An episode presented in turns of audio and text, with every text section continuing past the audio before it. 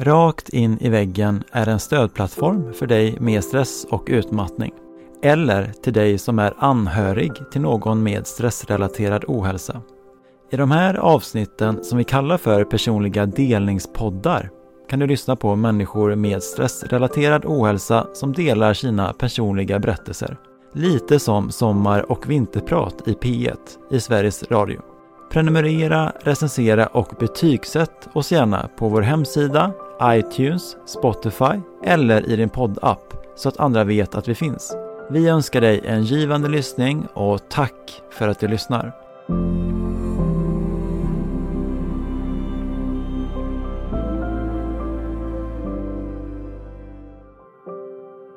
Men vad är det egentligen vi behöver bevisa för andra och för oss själva för att känna att det vi gör är tillräckligt? Att vi är tillräckliga? Att vi inte är det vi presterar? Att ett jobb faktiskt bara är ett jobb? Men det kan också vara en passion. Men vi kan inte jobba sönder oss själva för att få livet att gå ihop. Ingen pratar så mycket om hur stress och press är kopplat till ens egen självbild.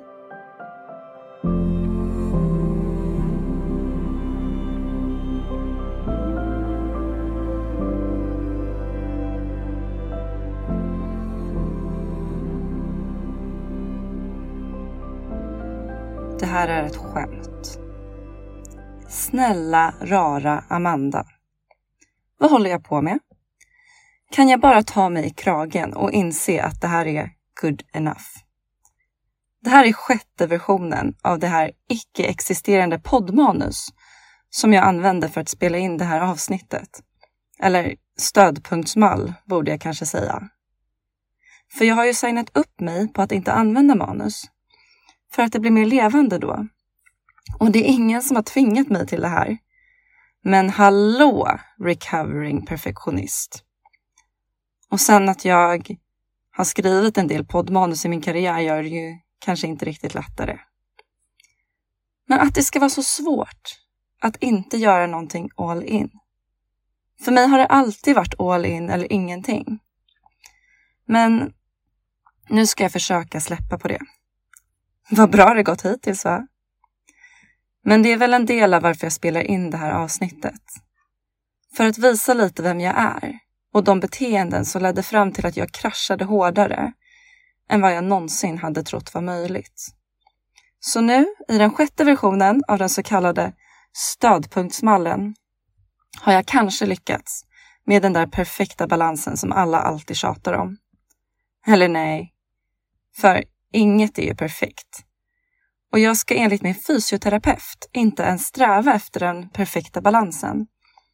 För då blir det också en prestation. ah, ni hör, det är liksom ah, omöjligt. Jag ska bara försöka tänka, ibland är det mer, ibland mindre. Oavsett vad det gäller i livet. Så att jag varken överpresterar när det kommer till jobb eller vila. Var lätt. Jag vill ju vara bäst på allt. Eller ville snarare. För att även om det i många fall kan gynna en, att man är liksom tävlingsinriktad i jobbet, i livet och att man samtidigt är en people pleaser som vill att alla ska vara, må väl så går inte riktigt de delarna ihop. För att liksom perfektionistiska sidan av mig som strävar efter att göra allting till 110 procent hela tiden har ju inte varit så ödmjuk som den people-pleasande sidan av mig. Utan den perfektionistiska sidan har alltid velat vara bäst och liksom gjort lite vad det har krävts för att komma dit. Och eh, ja, men det har liksom blivit, alltså jobbet har blivit lite som en drog och det har gått ut över relationer, över eh, ja, men absolut framförallt mitt eget välmående. Eh, men samtidigt har jag haft den här people-pleasande sidan i mig. Där jag bara vill att alla ska må bra hela tiden och fixa alla andra och alla sina problem. Eh, och de sidorna går inte riktigt ihop. Det krockar.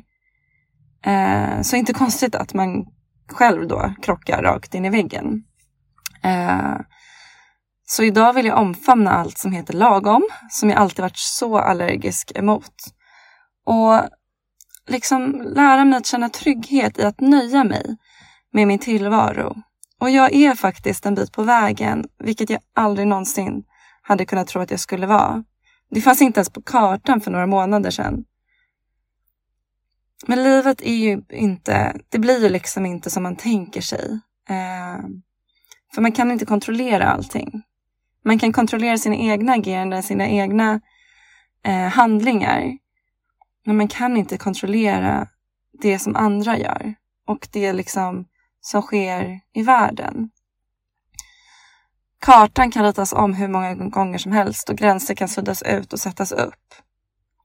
Så livet är verkligen allt annat än lätt. Men vi behöver inte göra det svårare för oss än vad det är. Och det låter säkert lättare sagt än gjort. Men jag kommer berätta min historia och det finns en anledning till att jag kan säga det idag. Men för ett år sedan så hade jag aldrig kunnat förstå att jag ens skulle kunna sitta här och tänka de tankarna. För att inte göra det svårare för oss än vad det behöver vara, det innebär absolut inte att vi ska fly från allt det svåra. Tvärtom. Vi behöver känna jobbiga känslor, tankar och obehag. Vi behöver bekanta oss med dem. Tro mig, jag har haft alla möjliga olika flyktbeteenden för mig. Inte medvetet, men ändå. Jag rekommenderar det inte. För när vi vet varför något, eller livet, känns svårt, när vi blir medvetna om våra destruktiva känslor, tankar och beteenden, då kan vi ta ansvar för våra liv och på riktigt leva dem fullt ut. Och vi kan sluta skämmas över våra tillkortakommanden. Det är ju knappast så att vi valt dem medvetet. Men för att komma dit behöver vi först och främst förstå att vi är värda att få hjälp. Vi behöver förstå att det inte är vårt fel att saker blivit som de blivit och att varken vårt förflutna, vår framtid eller andra personer definierar oss. Vi behöver våga ta hjälp och få rätt sorts hjälp och aldrig ge upp på oss själva. Även om det känns som om andra gör det. Annars är det lätt att saker går åt helvete och man själv rakt in i väggen. Jag heter Amanda Fogelin. Jag är 30 år gammal och det här är berättelsen om det som inte syntes utåt innan jag kraschade. I den här podden delar jag med mig av det som ledde till min utmattning. Men även av det som skett nu under tiden och hur det jag gått igenom har förändrat hela mitt sätt att se på livet. Klyschigt, men utan överdrift. Och det är lite så precis som jag gillar att ha det. Så det blir en blandning av mörker och ljus, eh, yta och allvar och framförallt så hoppas jag att min historia kan hjälpa någon annan som befinner sig i en liknande sits. Så att man känner sig mindre ensam i det helvete man kanske går igenom. Och tidigt efter jag kraschade så läste jag att det, det krävs mod för att våga gå igenom en utmattning. För man går in i den som en person och ut som en annan. Och det var Maria som har kontot Vägra väggen på Instagram som skrev de här väldigt kloka orden. Eh, för jag trodde ju verkligen att jag var den jag ville vara. Jag hade kämpat så mycket för att komma dit. Och ändå höll det inte. Och idag är jag en annan, jag är inte en annan person, även om det kanske verkar så i vissas ögon, men, men jag, jag, jag ser på livet annorlunda, det gör jag verkligen. Och försöker leva liksom mer i linje med vad jag på riktigt mår bra av. Jag är inte längre den people pleaser, perfektionist eller duktiga flicka jag brukade vara. Åtminstone gör jag allt för att försöka att inte vara det. Ja, som ni märker här i början så är ju det lättare sagt än gjort. Det är sådana beteenden som sitter så djupt rotat hos mig. Um, därför blir det här en blandning av stödpunkter och manus. För jag försöker att, att göra det så lätt för mig som möjligt istället för att tänka uh, för mycket. Uh, och det är väl det det mycket handlar om. Uh, perfektionist, duktiga flickebeteenden. Att bara försöka eh, medvetet försöka göra saker good enough. Men bara för att inte jag är den jag brukade vara så betyder inte det att den versionen av mig inte var sann. Eller att dagens version inte är sann. Det betyder bara att jag vågat utvecklas och förändras för min egen skull och på riktigt bli huvudrollen i mitt liv. För det finns ingen annan som vet hur just mitt liv ska levas fullt ut. Utmattning är en av de mest stigmatiserade sjukdomarna i vårt samhälle. Och det är även den sjukdom som man ofta liksom får höra att man lite har sig själv att skylla. Så det är inte konstigt att man skäms över att man hamnar där. Det är inte konstigt över att folk inte tror att det är på riktigt, för man, det finns alldeles för lite kunskap om det här. Folk tror liksom att man inte pallar trycket och att när man väl har kraschat så kommer man göra det igen. För att man inte längre är lika stresstålig. Och jag har varit en av dem som trott att utmattning bara handlar om att man är lite trött. Jag hade aldrig kunnat föreställa mig alla symptom man kan få. Men det är bara att googla. Eh, jag har haft allt eh, och folk, alltså utan, utan överdrift eller underdrift, alltså alla psykiska fysiska stresssymptom. Så utan att förstå att det skulle vara utmattning skulle man ju kunna sätta alla möjliga diagnoser på mig. Eh, det är mycket som går in under depression, psykos, ADHD, PTSD, what not. Alltså det är här som jag tycker är så obehagligt.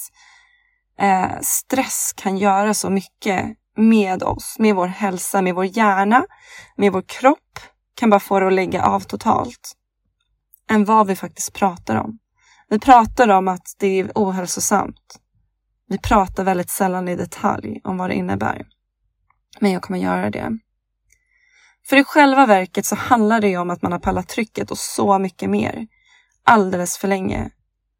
Och så här, det är klart att det finns en risk att man kan gå in i väggen igen.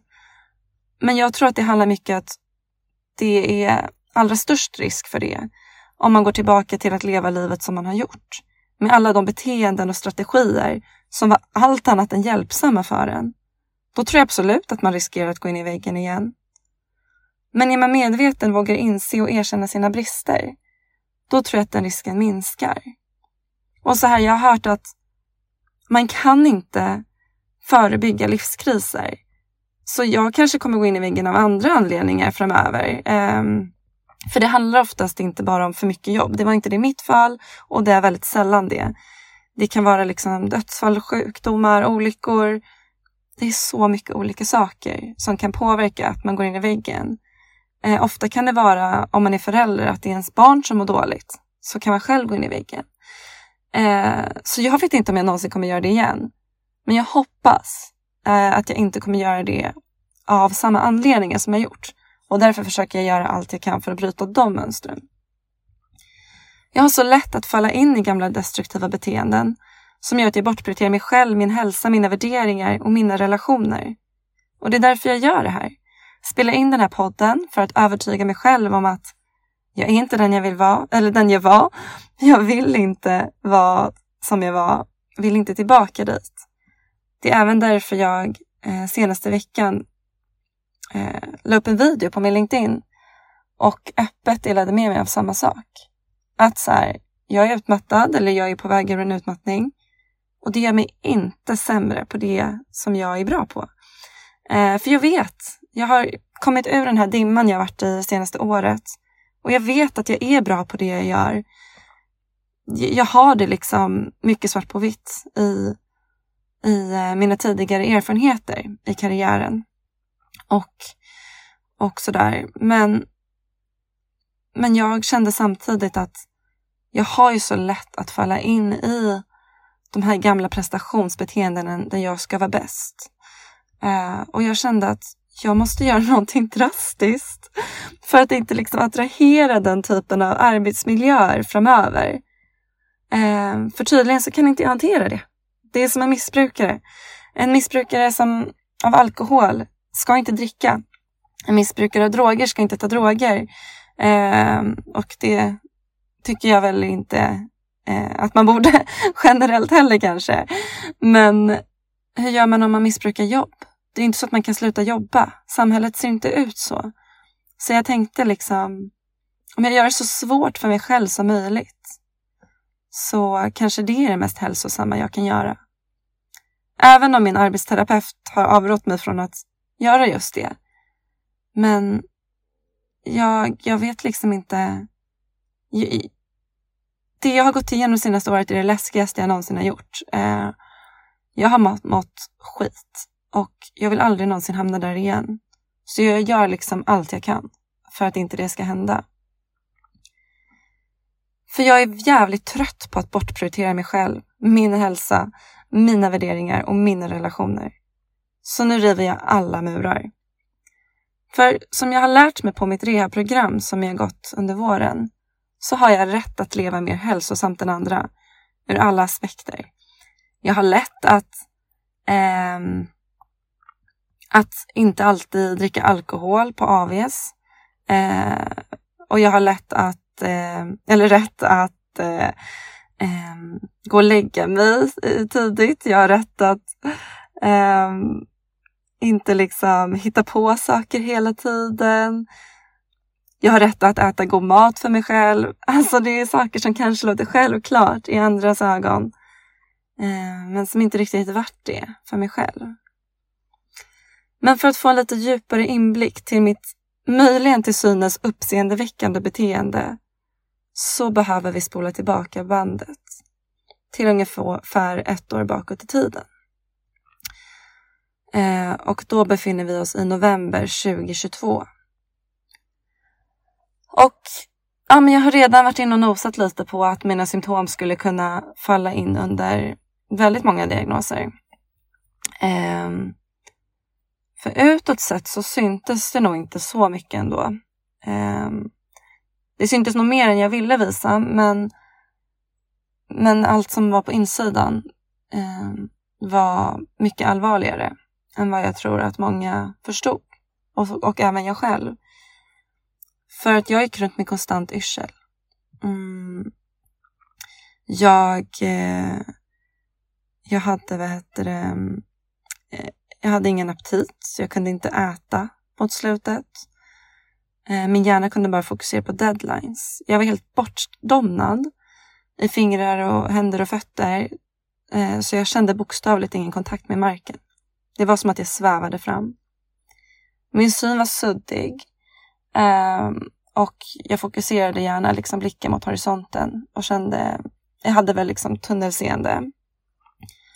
Jag behövde liksom tagga igång mig själv med så här, ehm, musik med väldigt så högt tempo eh, för att inte bli för trött. Jag kunde aldrig vila, jag visste inte hur man gjorde. Eh, och det låter säkert löjligt men jag har aldrig gjort det. Jag har aldrig vetat hur man slappnat av på riktigt. Eh, jag har aldrig trott att jag har haft något behov av det. Så om jag visste att jag skulle göra någonting efter jobbet så kunde jag inte gå hem för då visste jag att jag skulle liksom slockna på soffan. Så jag höll mig alltid sysselsatt. Så jag jobbade hårt, jag tränade hårt, jag festade hårt. Eh, gjorde väl allting som, in, som bara skriker varningstecken, röda flaggor, allt sånt där. Men eh, och sen just det, eh, under sommaren förra året, eh, alltså typ något halvår innan där, så började jag även, alltså det blev liksom bara så mer och mer stresstecken. Så jag började även så svettas utan, utan anledning eh, och rodna utan anledning. Eh, och mot slutet hade jag även panikångestattacker. Eh, och jag började lyfta det med några kollegor och vänner för jag började bli rädd. Eh, och jag kan inte ens föreställa mig vad de tänkte om allt det här. Jag, jag, kände även att folk på gatan liksom gav mig obehagliga blickar. Det var, ja men ni hör ju. Det är verkligen som det här som Anders Hansen pratar om att hjärnan är inte gjord för att leva idag utanför som det var på savannen. Och det var verkligen så tiglar, tigrar eh, runt alla hörn. Men eh, ja, det var så här det tog sig uttryck.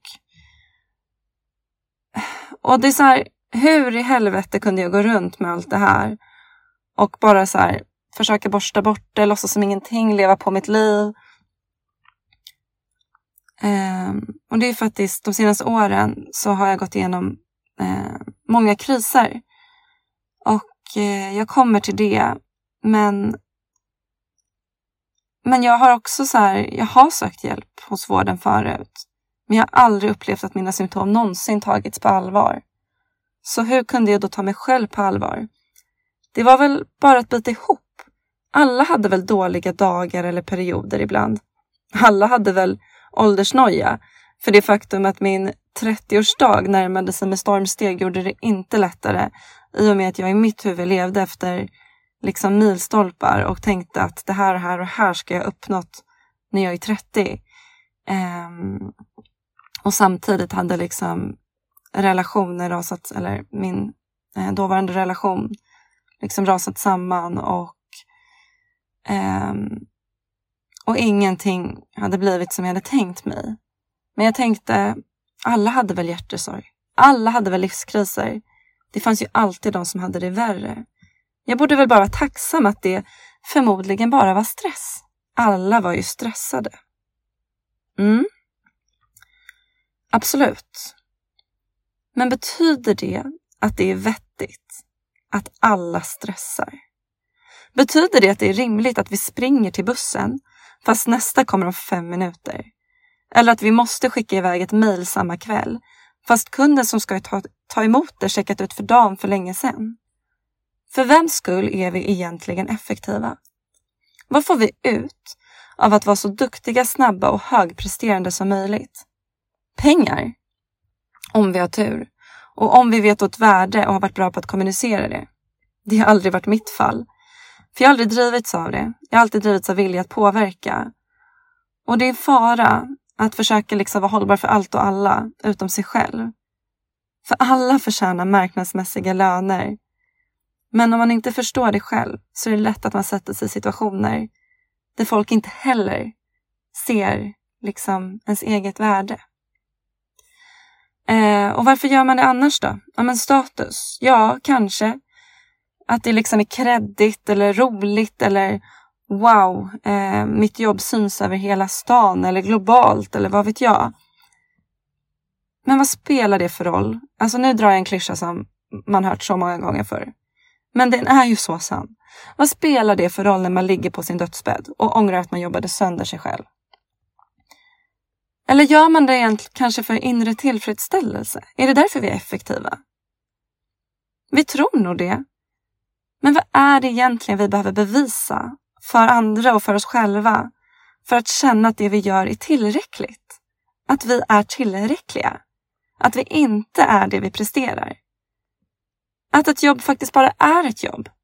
Men det kan också vara en passion. Men vi kan inte jobba sönder oss själva för att få livet att gå ihop. Ingen pratar så mycket om hur stress och press är kopplat till ens egen självbild. Jag var lite inne på liksom röda flaggor i mitt eget beteende. Man får alltid höra talas om röda flaggor hos andra och peka ut det liksom hos andra och annat. Men inte hos en själv. Och jag tror liksom att många har noll självinsikt. Och jag menar inte att vara dömande. Men hur många av oss reflekterar över vårt eget beteende, reaktioner och handlingar i en konflikt eller diskussion? Eller bara en vanlig konversation?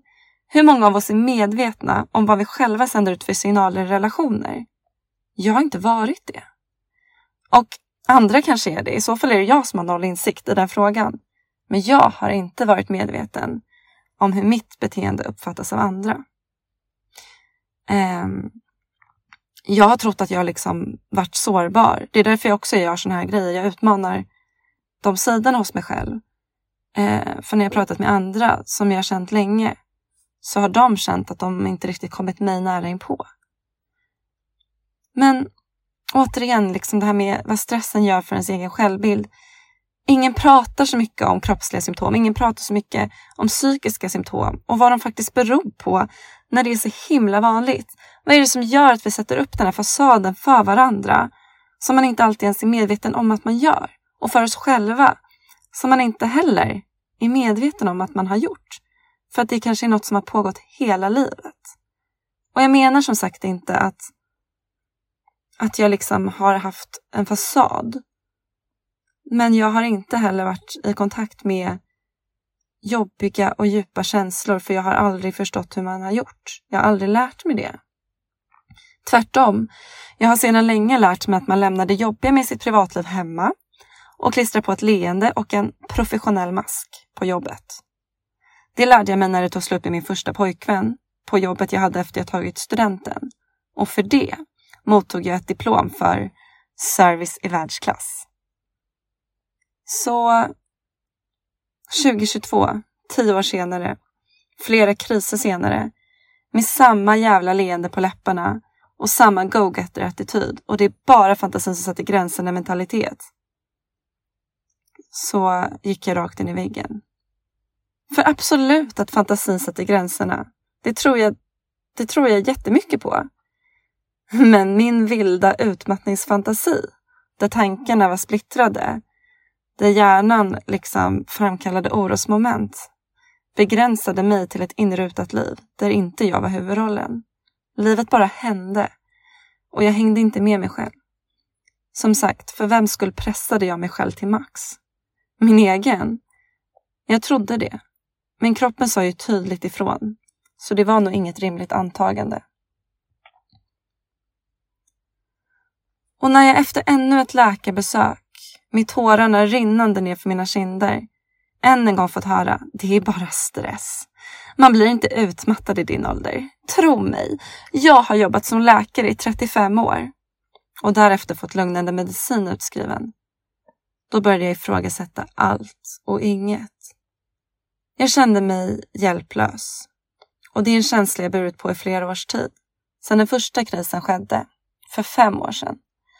Och bara för att påminna om vad kriser är, för det är lätt att man går till sin egen fantasi och liksom kan föreställa sig vad en kris är, men det är olika för alla.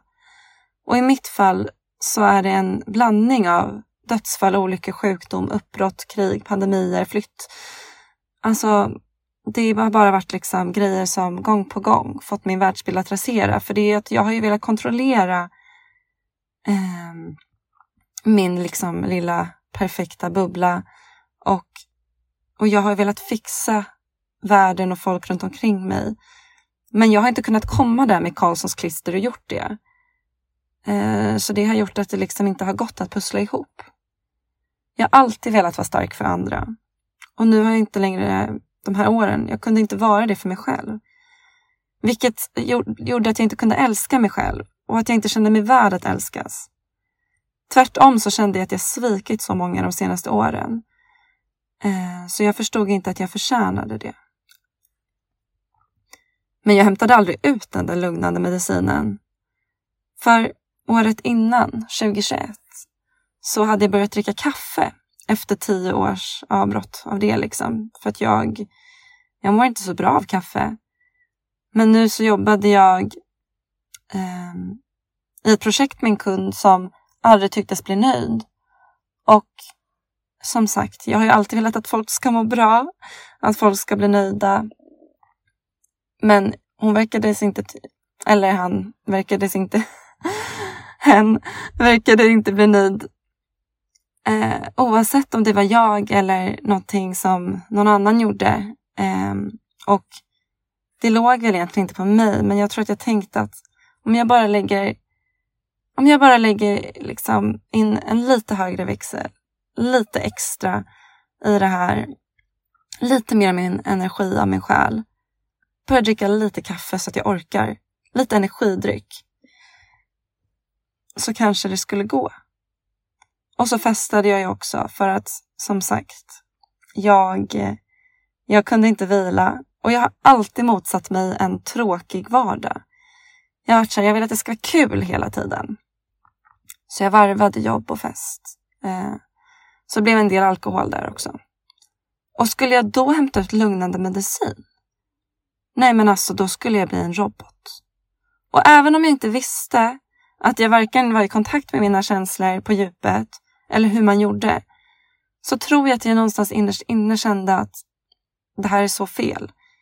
För att jag tror att jag någonstans förstod att om jag tar ut lugnande medicin nu så kommer det göra mig ännu mer avtrubbad och jag kommer förlora mig själv totalt. Jag har redan förlorat mig själv totalt.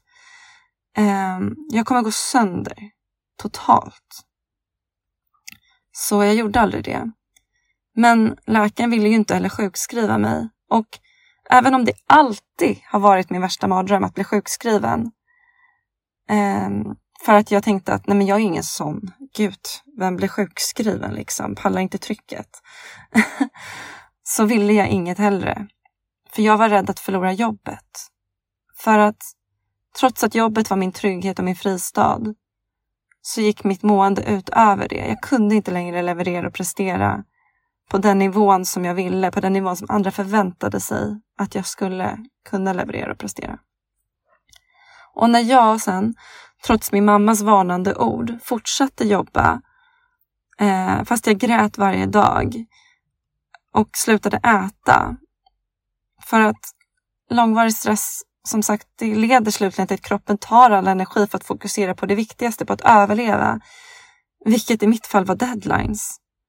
Det var inte förrän då jag fattade hur allvarlig situationen var.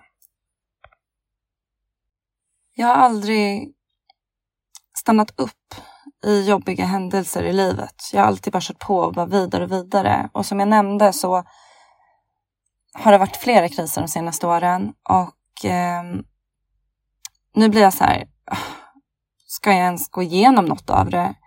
Eh, hur, hur kul är det att lyssna på? Men samtidigt så kanske det är jag själv bara som inte gillar att, att vara i det obehaget, även om jag försöker lära mig att vara i obehag. Så jag tänker att jag bara går igenom det eh, lite kort för att förstå, kanske för att få lite ännu mer liksom förståelse för att jag hamnade där jag gjorde förra året. Eh, så när den första krisen då skedde för fem år sedan så begravde jag mig väldigt medvetet i jobb och plugg. Jag minns att jag kände det här är inte en så bra strategi och även i fest. Eh, men jag tänkte om det är bara en period så är det okej. Okay.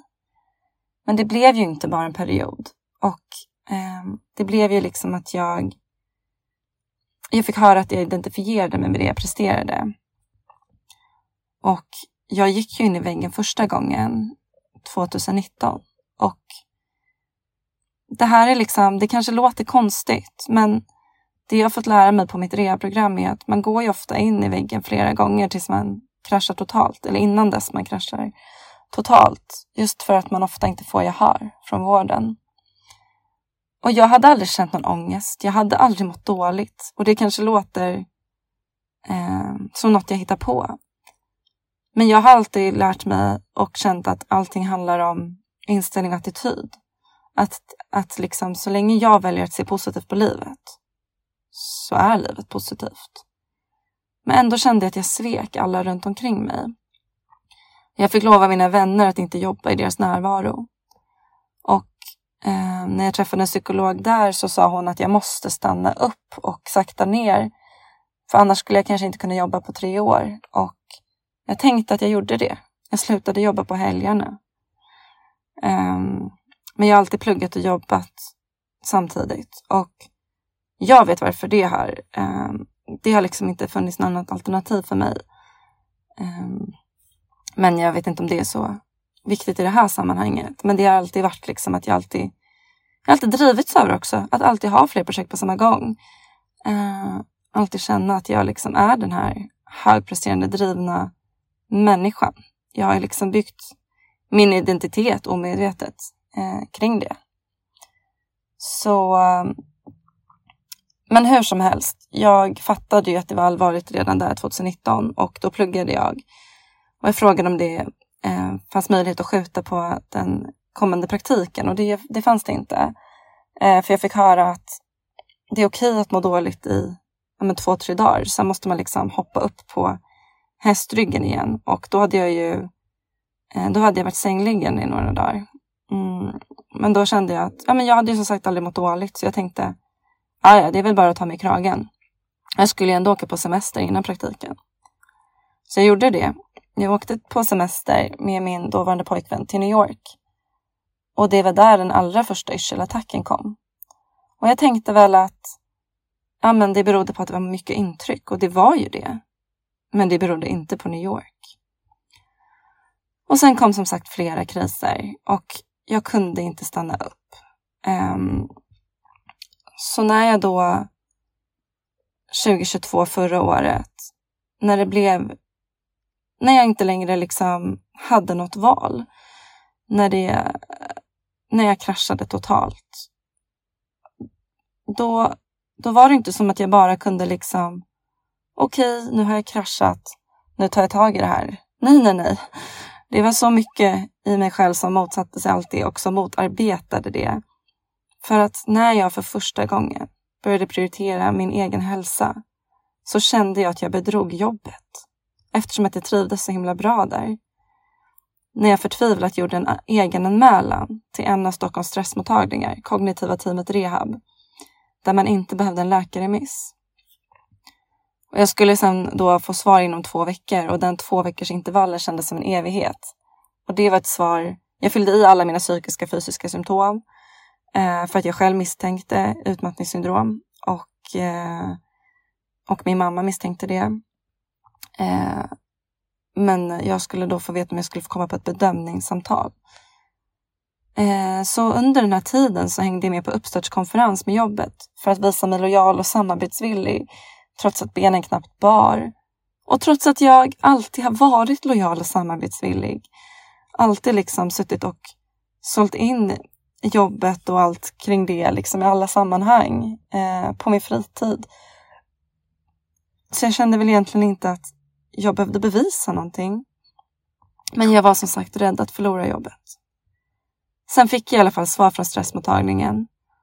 Och för första gången så prioriterade jag mig själv och kunde lägga, jag kunde knappt lägga energi på jobbet.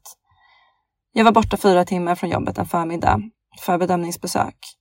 Och det var 40 minuter hos psykolog, eh, 40 minuter hos fysioterapeut och 40 minuter hos läkare och sen en gemensam teamkonferens.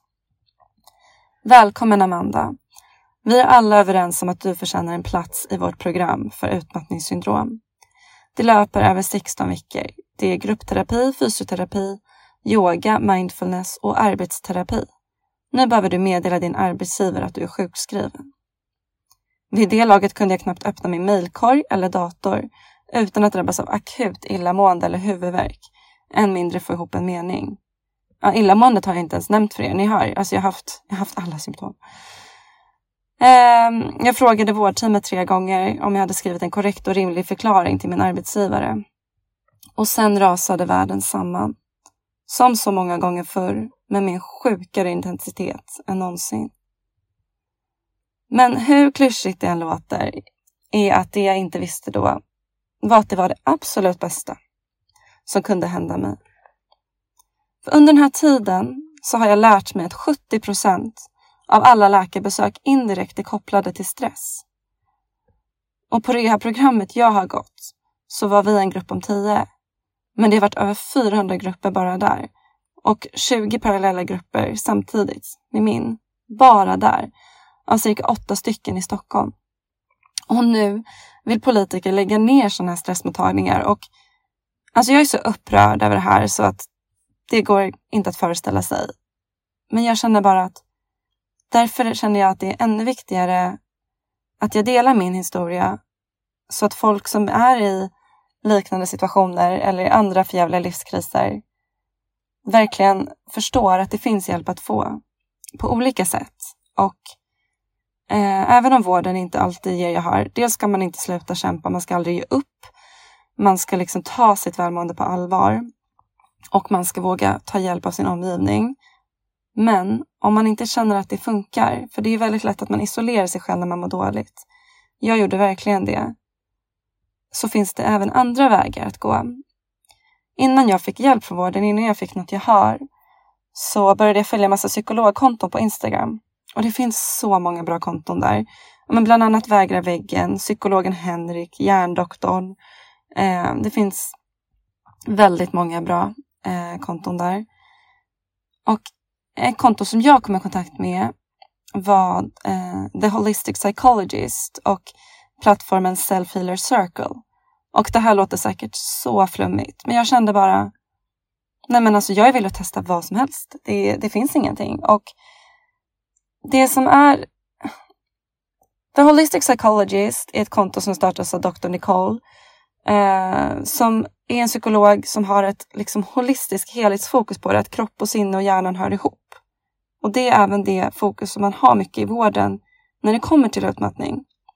För att, jag menar, man kan tänka hur mycket som helst att kroppen är en maskin, men hur kan den då lägga av?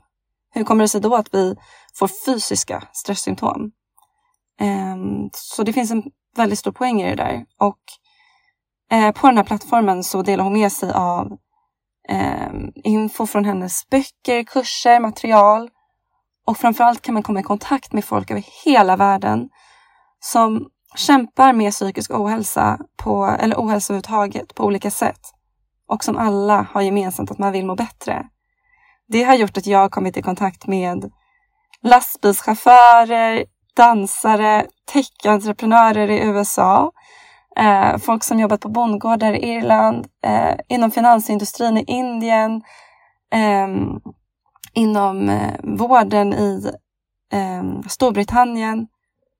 Alltså alla har haft gemensamt att vi ja, men att man kämpar med, med någonting, att man har gått igenom någon kris eller att man är utbränd, att man eh, vill liksom skapa en trygg anknytning, att man har eh, problem med sin självkänsla, att det är, det är någonting, men alla vill må bättre. Så det är det här som är grejen.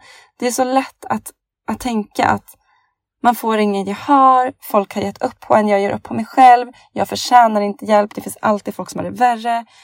Det går inte att må bättre, hur ska jag göra, livet är över. Men det går att må bättre. Det gäller bara att man vågar ta hjälp och det gäller att man vågar ta rätt sorts hjälp. Även om folk kanske runt omkring en liksom trycker ner en och, och inte får en att, och får en att tvivla på sin egen förmåga, på sin självkänsla, sitt självförtroende. För att jag har inte hamnat där jag gjort på grund av att jag har en sträng inre kritiker. Det är väl den största anledningen. Men det har även varit folk i min omgivning som har liksom tryckt ner min självkänsla och de kanske inte gjort det medvetet. Men de har också tryckt på knappar som har gjort att jag kunnat pusha mig över mina gränser. Så det är liksom en blandning av allting. En blandning av kriser, av ohjälpsamma strategier från andra, från en själv. Jag vill inte skylla ifrån mig. Det, det ligger liksom hos mig själv. Jag bär inte ansvar eh, för att jag liksom hamnat där jag gjort. Men jag bär ansvar för hur jag agerar framåt. Och hur jag själv liksom tar kontroll över de delarna jag faktiskt kan påverka.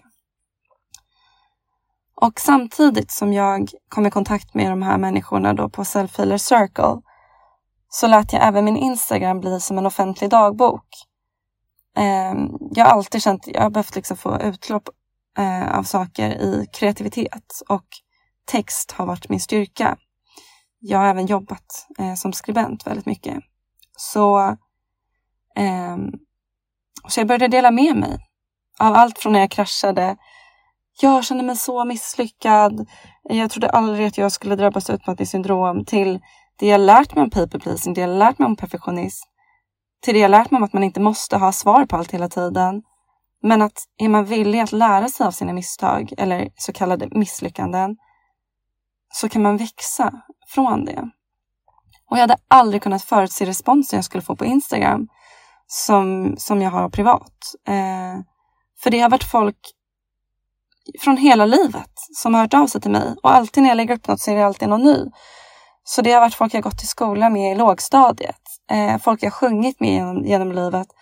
Folk jag har pluggat och jobbat med från liksom, studenten fram till nu. Eh, som har sagt att de kan relatera eller att de inspireras eller att jag ska fortsätta dela. Eh, och det har verkligen gett mig vatten på min kvarn så att säga. Det har gett mig, det har gjort att jag sett att, att när jag har vågat visa mig sårbar på riktigt så har det givit så många ringar på vattnet. Och hur otroligt vore inte det? Om vi alla kunde sluta gå runt och skämmas och känna skuld över så kallade måsten och borden som egentligen inte ens lirar med våra värderingar. Det finns tillräckligt mycket skit i världen, så varför ska vi liksom lägga det på oss själva? Folk har sagt till mig att alla bär på problem, ångest, svåra tankar och känslor. Att en del kämpar med att kunna betala hyran, andra är rädda att aldrig ska kunna träffa en partner och vissa tampas med tvångstankar. Bara det att ingen pratar om det, det är liksom inte allas ensak. Och så är det ju absolut. Men alldeles för få pratar om sånt här. Så därför skäms man över att må dåligt och man skuldbelägger sig själv för det. Jag vill få fler att fatta att man inte är ensam om att må dåligt i livet. Och att man inte kan kontrollera allt. Och att man inte alltid kan vara på topp hur mycket man än vill det. Och hur många hur är läget-fraser man spontant svarar bra på. så är inte alltid det sant. Vad skulle hända om vi svarar ärligt på den, äh, vad skulle hända om vi svarar ärligt på den frågan utifrån det humör vi är på? Och det blir absolut obehagligt för vissa. Men vet ni, vi kan stå ut med det. För hellre att vi skapar lite dålig stämning än att låtsas att allt är bra när man egentligen håller på att gå sönder inombords. Eh, och hur mitt läge ser ut idag då? Från och med igår så är jag bara sjukskriven på 25 procent och det har gått fort skulle jag säga. Jag gick i realprogram hela våren från februari till juni och har stegvis trappat upp. Eh, nu är det inte så att jag jobbar för att jag blev också, jag skrattar för det är ska jag skratta eller gråta? Jag har gråtit mycket över det här så nu skrattar jag. Eh, jag blev också varslad på grund av arbetsbrist mitt i sjukskrivningen i våras. Och det som ni säkert kan tänka er, eftersom jag trivdes bra och eftersom jag var så rädd att förlora jobbet, det var ett helvete. Men det har också lärt mig väldigt mycket. Och så därför har jag kunnat lite, äntligen kunnat landa lite så här, men gud, hur många gånger kommer man ha, hur många perioder kommer man ha i sitt liv där man faktiskt inte jobbar? Så nu så söker jag jobb eh, och jag, jag försöker bara så här vara lugn med att jag inte vet vad som kommer hända. Men att det är för mitt bästa. Och eh, som sagt, det trappas upp stegvis och jag försöker dagligen påminna mig om det jag lärt mig på programmet. Jag, det här med att jag har rätt att vara mer hälsosam än andra. Eh, jag har skapat noggranna rutiner för eh, morgon och kväll framför allt. Jag har alltid motsatt mig rutiner, som sagt alltid motsatt mig allt som känns tråkigt. Men är det något jag lärt mig på programmet så är det så här. Det jag gör när jag söker snabba kickar och liksom får de här snabba dopaminkickarna. Är det värt priset jag måste betala på lång sikt? Och svaret är oftast nej. Oavsett om det gäller att jag får dåra hem mat istället för att laga mat, hur trött jag än är. Det är oftast inte värt priset bokstavligt talat. Eh, eller om jag pressar mig själv till att hänga med en kompis när min kropp egentligen säger att jag ska vila Det är oftast inte heller värt för att dagen efter så kanske jag går vilse i matbutiken. Bara för att jag liksom nu har kommit mycket längre än vad jag trodde att jag skulle ha gjort vid det här laget så betyder inte det att jag fortfarande får bakslag. För jag har som sagt tendenser att hamna i, i mina destruktiva beteenden och då säger kroppen ifrån och hjärnan. Eh, och det är det som är grejen med utmattning, att man måste trappa upp det successivt. Det är inte en rakt uppåtgående kurva. Så jag påminner mig själv om daglig acceptans för det jag inte kan påverka. Eh, och att det bara är vad det är. Det bästa jag kan göra är att antingen liksom ta mig ur den situationen eller acceptera situationen eller förändra situationen beroende på vilka möjligheter jag har till de här grejerna. Jag påminner mig dagligen om självmedkänsla, eh, självkärlek som jag kallar det. För att så här, jag kommer ju aldrig vara tillräcklig i andras ögon. Så det viktiga är att jag är det i mina egna.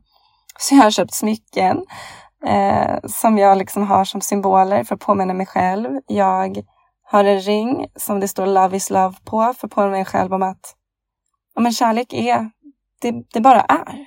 Det är liksom inget jag behöver kämpa för. Eh, det låter så flummigt, men det hjälper mig. Och sen har jag ett halsband eh, i form av en kvinnokropp i guld som påminner mig om att jag ska lyssna inåt på min kropp.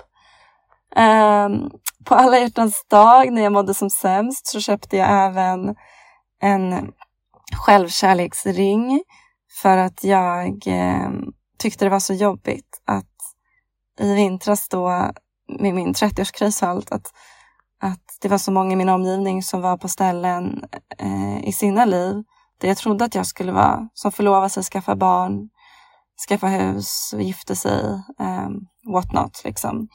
Eh, så liksom smycken, symboler hjälper mig mycket att påminna mig själv om att ge mig själv eh, den kärlek jag förtjänar. Och att påminna mig om att tankar faktiskt inte är sanningar. Det är, det är snarare fantasier. Så man kan välja lite vilka vill man lyssna på. Eh, för de formas också av samhället och av eh, föregående tankar. Och känslor försöker jag ju då vara i kontakt med. Eh, ibland lättare sagt än gjort. Men jag försöker också komma ihåg det här med att känslor också passerar. Att även om jag känner mig ledsen och uppriven i en stund så kommer det passera. De varar oftast bara några sekunder så jag kan lära mig att vara i obehaget. Jag tränar också väldigt mycket på gränssättning. Som ni kanske märker kan jag vara drastisk. Att jag eh, går ut på LinkedIn, att jag liksom sätter gränser mot vänner, familj. Eh, men jag behöver vara drastisk för mig själv just nu för att jag har alltid sagt ja till allt. Så jag behöver lära mig att säga nej och ja till mig själv. Och en fråga som eh, man kan få, eller som jag fått skicka till mig för att eh, spela in den här podden är ifall jag har några andra diagnoser än utmattningssyndrom. Och ingen psykolog tror det. Eh, så jag tänker inte vara hobbypsykolog, även om jag ibland känner att jag kanske skulle kunna ha ADHD. För att min hjärna, eh, det är en karusell liksom. Men samtidigt kan jag koppla av och meditera och finna inre ro. Eh, så jag vet inte. Jag känner att nu fokuserar jag på att bli frisk från utmattningen och skulle det vara någonting annat, ja, men då, då tar jag det längre fram. Eh, som sagt försöker verkligen påminna mig dagligen om kropp, sinne, hjärna hör ihop. Det är något man eh, jobbar väldigt mycket med i öst. Det är bara att kolla alla liksom, yogapraktiker, meditationsvanor, eh, allt sånt. Medan i väst tenderar vi att se kroppen mer som en medicin som man kan eh, med, medicin, maskin som man kan pumpa med energidryck, eh, kaffe, eh, olika substanser för att få den att göra som man vill. Eh, men det är inte hållbart i längden. Jag var yngst av alla i min terapigrupp på programmet och jag orkade knappt eh, ta mig några meter med gåstavar. Jag har under våren knappt orkat sitta upp på yogamattan för att meditera. Det är inte förrän under sommaren som jag har kunnat börja gå powerwalks. Ehm, det är inte först förra veckan jag kunde liksom köra ett av de starkaste yogapassen jag gjort på länge. Jag kan tänka mig att det är svårt att föreställa mig, men eh, min kropp la av. Eh, så det var väldigt tydligt för mig att jag var tvungen att stanna upp. För liksom trauman, kriser, jobbiga händelser, stress, det sätter sig i nervsystemet. Och det här låter också säkert löjligt, men det finns så många övningar som man kan göra för att lugna nervsystemet. Och som sagt, vi människor tenderar att se våra kroppar som maskiner. Men vi människor är också djur. Och är något som djur gör så är det att de skakar av sig saker. Och det är någonting som faktiskt hjälper oss människor också att bara skaka av oss problem. Testa någon gång och bara Så kanske ni förstår vad jag menar. Och eh, även andningen är det viktigaste vi har. Eh, det lärde jag mig även när jag jobbade, för vi gick till så breathwork center, HAIL, där man får öva på liksom så här, eh, olika andningstekniker. Och så här, att sucka är någonting som man kan tycka är otrevligt. Men det som händer när vi suckar, när vi fokuserar på vårt utandetag, det är att vi säger till kroppen, till vårt nervsystem att faran är över. Så man kan väldigt medvetet så andas in lugn och energi och man kan väldigt medvetet andas ut stress och oro. Så det är också någonting jag gör dagligen. En annan fråga som jag också fick när jag ska spela in podden är ifall mina vänner och familj förstår mig. Och nej, de gör inte alltid det. Och det är okej. Okay. För att det är, liksom, det är svårt att förstå om man inte själv går igenom det här. Och jag vill ha rak kommunikation. Jag sätter gränser mot andra så jag vill att de gör det mot mig också. Ingen mer people pleasing åt något håll tack. Jag känner bara så här. Är det någonting som folk stör sig på med mig? Ja men säg det. Så att jag får insikt i de beteenden. Så att jag kan välja så här om jag vill förändra någonting eller inte. Om jag känner att det är någonting rimligt. För det är så här, man ska sätta gränser men man ska också vara en rimlig medmänniska. Eh, det tror jag att vi alla är överens om. En annan fråga var om jag fått stöd från staten och eh, det har jag. Ehm, från Försäkringskassan och sådär och nu även a-kassan. Och det har varit allt annat än enkelt. Man pratar mycket om så här, man måste vara tillräckligt frisk för att vara sjuk. Eller våga be om hjälp. Som tur är har jag haft min mamma som har kunnat hjälpa mig när min hjärna inte har orkat, när, min, när meningar och tecken och sånt bara flutit ihop, när jag inte kunnat öppna min dator. Um, för det är ett helvete att man måste gå igenom de byråkratiska processerna. Men något som har hjälpt mig på den resan är att eh, jag har lärt mig att de finns där för våran skull och eh, att man aldrig kan ställa för många frågor. Så mitt tips är att ja, men verkligen bemöta alla liksom sådana statliga eh, myndigheter och så, ja, men så, så medmänskligt och trevligt som möjligt och bara säga så här. Men även inse sin, sitt värde så att det liksom är så här. Hej, nu har jag rapporterat det här. Är det här korrekt? Och så bara, ja, nej, jag vill bara dubbelkolla, är det här korrekt? Eh, jag, jag, jag, ursäkta att jag ringer här, men jag har inte fått något svar från er. Eh, vill ni bara hjälpa mig att se att, att jag har gjort rätt? Att man liksom, och att man säger det. Hej, jag vet att ni finns här för min skull. Eh, att ni vill finnas, att ni finns här för att hjälpa mig. Så jag vill bara se att jag har eh, gjort rätt i det här. Det, det, tror jag tar, det tror jag gör det lättare att få hjälp. För folk säger att det handlar om att man måste spela ett spel eller att man kan ha otur när det kommer till Försäkringskassan eller Arbetsförmedlingen. Jag tror det handlar mycket om eh, ja, men lite det här att man bemöter folk som man själv vill bli bemött. Eh, som alla religioner liksom eh, förespråkar. Det tror jag ligger mycket i det faktiskt. Eh, ja, jag har även lärt mig liksom att, att facket finns där för mig och eh, lärt mig liksom ta hjälp och stöd därifrån. Ehm, så att man ser det på det sättet snarare än att Åh oh, gud, nu är det byråkratisk skit som jag måste gå igenom. Att så här, Istället så här, oh, nu är det byråkratisk skit jag måste gå igenom, men de finns här för att hjälpa mig. Så nu jävlar ska jag gå igenom det. Att man liksom eh, har lite jävlar anamma attityd i det. Det tror jag hjälper. Eh, även om jag söker jobb nu och inte har någonting fast så försöker jag ta medvetna pauser. Mediterar, går ifrån, ehm, eh, ställer mig upp, som sagt gör sina andningsövningar. Och jag har lärt mig att jag mår inte bra bara för att andra mår bra. Jag kan inte fixa andra med Karlssons klister, men det är inte heller mitt ansvar. För att däremot mår jag själv bra, då kan jag inspirera andra till att också vilja må bra. Um, så ja, uh, det är väl lite det som är min historia skulle jag säga. Och lite hur det har varit ehm, vad jag har genomgått under tiden, hur jag ser på livet idag.